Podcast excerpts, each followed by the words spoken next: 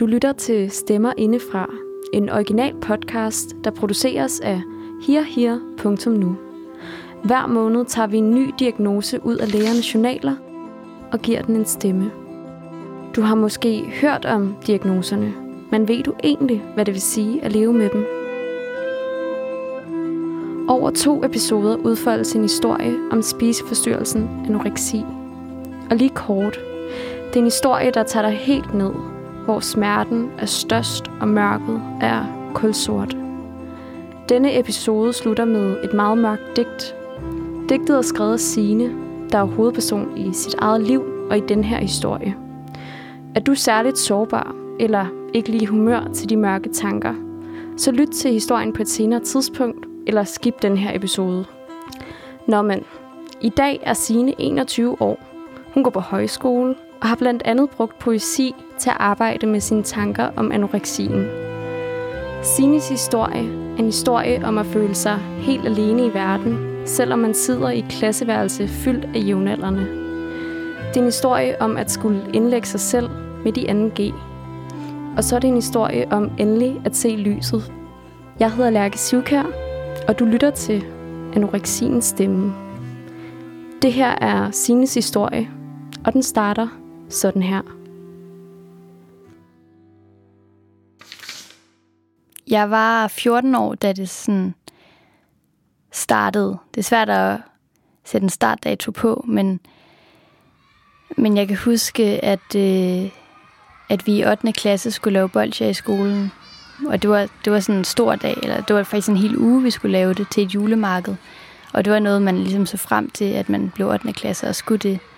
Men under hele den uge, der, der spiser jeg ikke et eneste bolsje, Selvom vi godt måtte spise af dem, og det var det, alle mine venner gjorde. Altså, det var det fedeste lige at smage de bolcher, de havde, lige havde lavet. Øhm, og, og det gjorde jeg ikke. Og senere har jeg så kunne se, at det nok var begyndelsen til min spiseforstyrrelse og den selvdestruktion.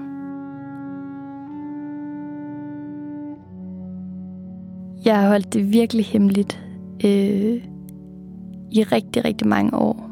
Øh, og ikke fortalt nogen om, at jeg havde nogle problemer eller udfordringer. Øh, jeg har sådan øh, haft, øh, jeg har udviklet en rigtig god evne til at have sådan en facade på, øh, som om alting det gik øh, godt, og jeg var en glad pige, og og jeg havde styr på det hele, og lektier og, og sådan noget. Øh, jeg vil ikke, øh, jeg vil ikke virke svag. Øh, og, øh, og der var slet ikke nogen, der skulle finde ud af, at jeg havde problemer med at spise. De selvdestruktive mønstre får for alvor sit tag i Sines hverdag. Der er noget helt galt. Sine har tabt sig meget. Min mor havde fået arrangeret, at jeg skulle ind til børnepsykiatrien.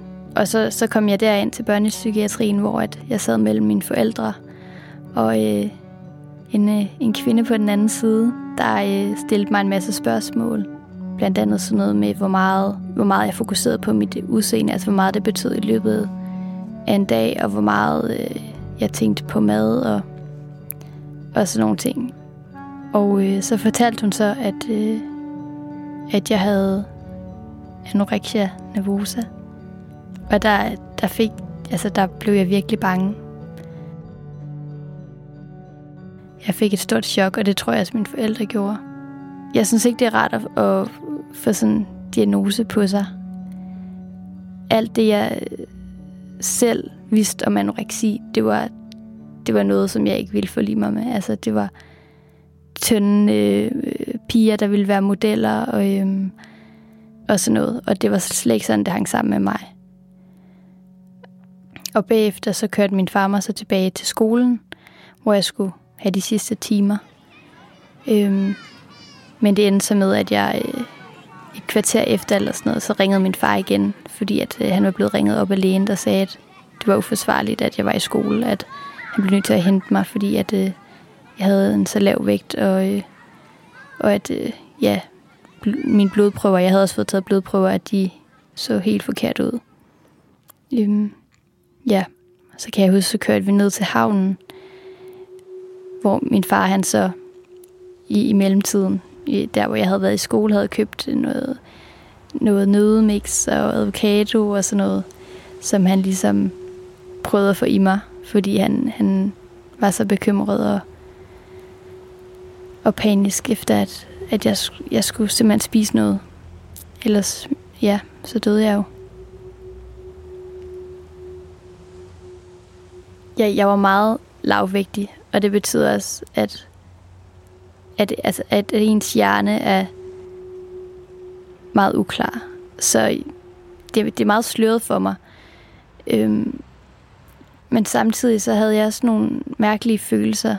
Øh, fordi jeg forstod ikke helt, hvad det var, der skete. Og jeg forstod ikke, hvorfor at jeg lige pludselig var blevet så tynd.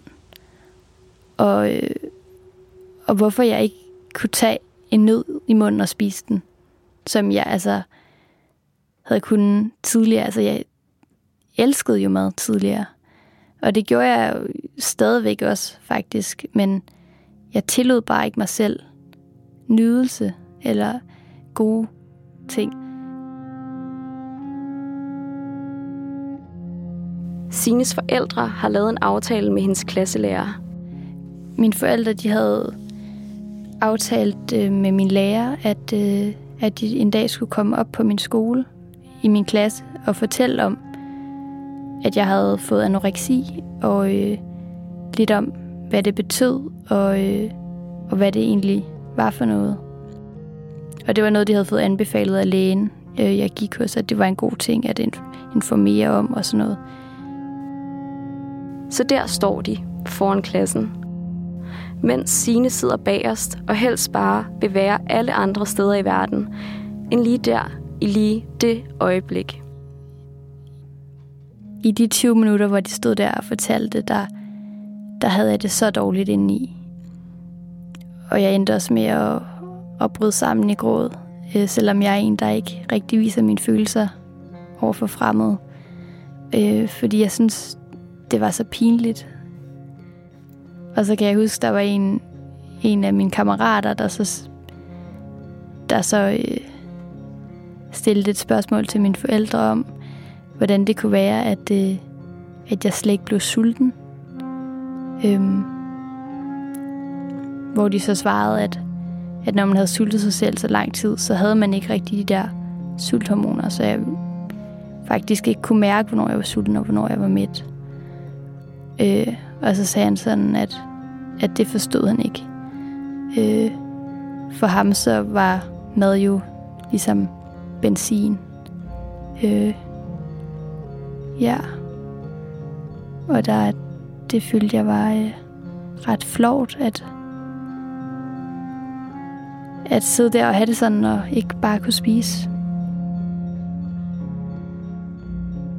Selvom Sine mest af alt har brug for kærlighed og kram, kan hun mærke, at folk trækker sig, og ensomheden tager til. Faktisk så synes jeg ikke rigtigt, at, at folk sagde så meget til mig. De trak sig mere.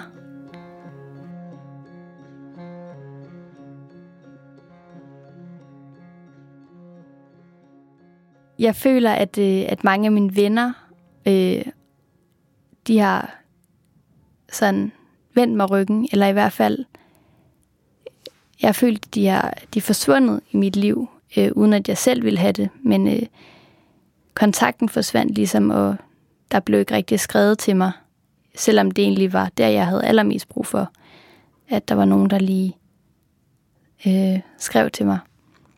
Og jeg tror, det er fordi, der er mange, der ikke ved, hvad man skal gøre i sådan en situation, når der er en, der bliver syg. Øh, og især når det er psykisk sygdom, så forstår man det ikke. For det er, jo, det er jo noget helt andet, end hvis man har brækket en arm eller et eller andet. Altså, det ved man jo, hvad er. Ja, og det andet, det gør, gør bare, at folk øh, ikke ved, hvordan de skal agere. Så jeg følte mig meget alene øh, med det.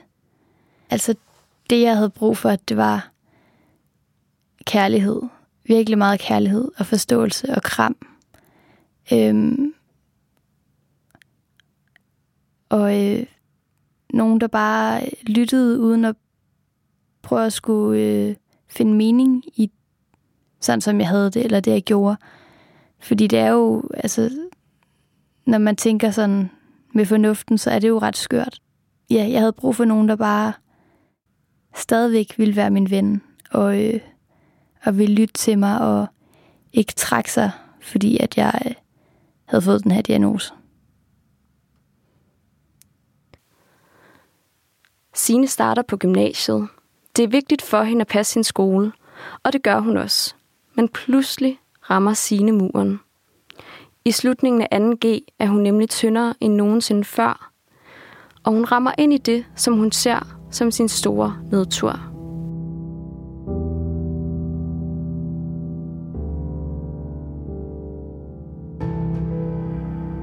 I sommeren 2018, der ender jeg med at blive indlagt øh, på et døgnafsnit for øh, spisforstyrret. Fordi min vægt er så lav, at, at jeg ikke kan være ude i verden.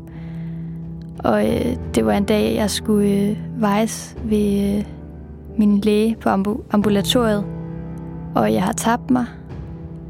Og hun siger så, at øh, der er en plads til mig på, øh, ja, på U2, øh, som er et øh, døgnafsnit.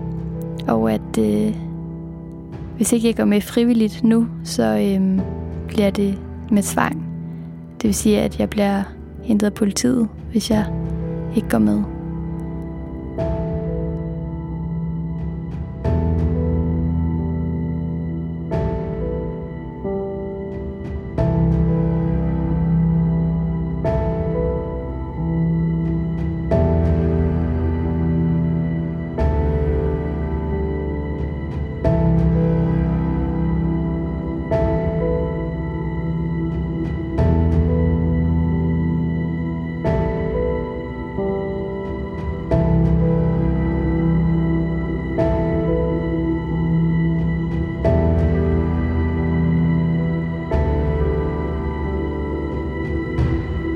Jeg bliver rigtig ked af det.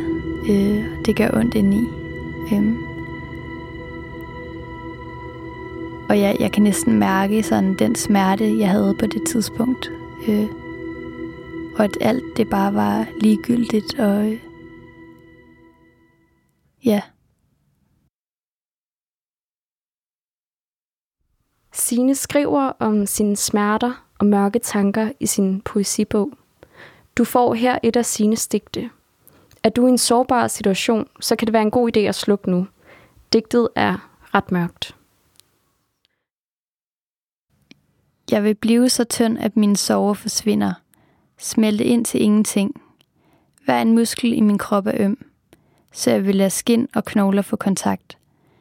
Jeg vil erstatte mine tårer med en ligegyldighed og kampere i en skov af visne minder – når min krop er i dvale og mit hoved i hi, den stikkende sorg i mit hjerte forsvinder.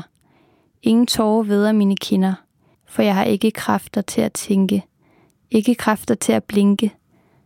Knap nok kræfter til at vinke. Farvel.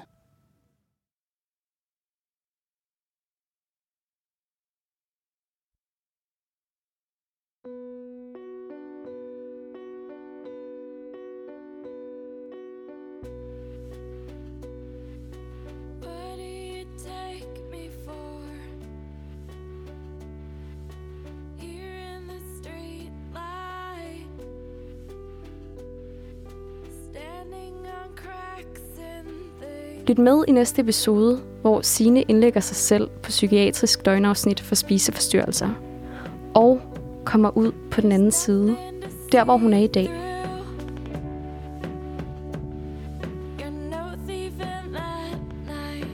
Anoreksiens stemme er produceret af hirhir.nu. Skrevet og tilrettelagt af Lærke Sivkær. Det er mig. I redaktionen finder du Anders Guldberg, Clara Agnes Bøsling og Christiane Digte Vedel. Tak fordi du lytter med, og husk at snakke om det, der er svært.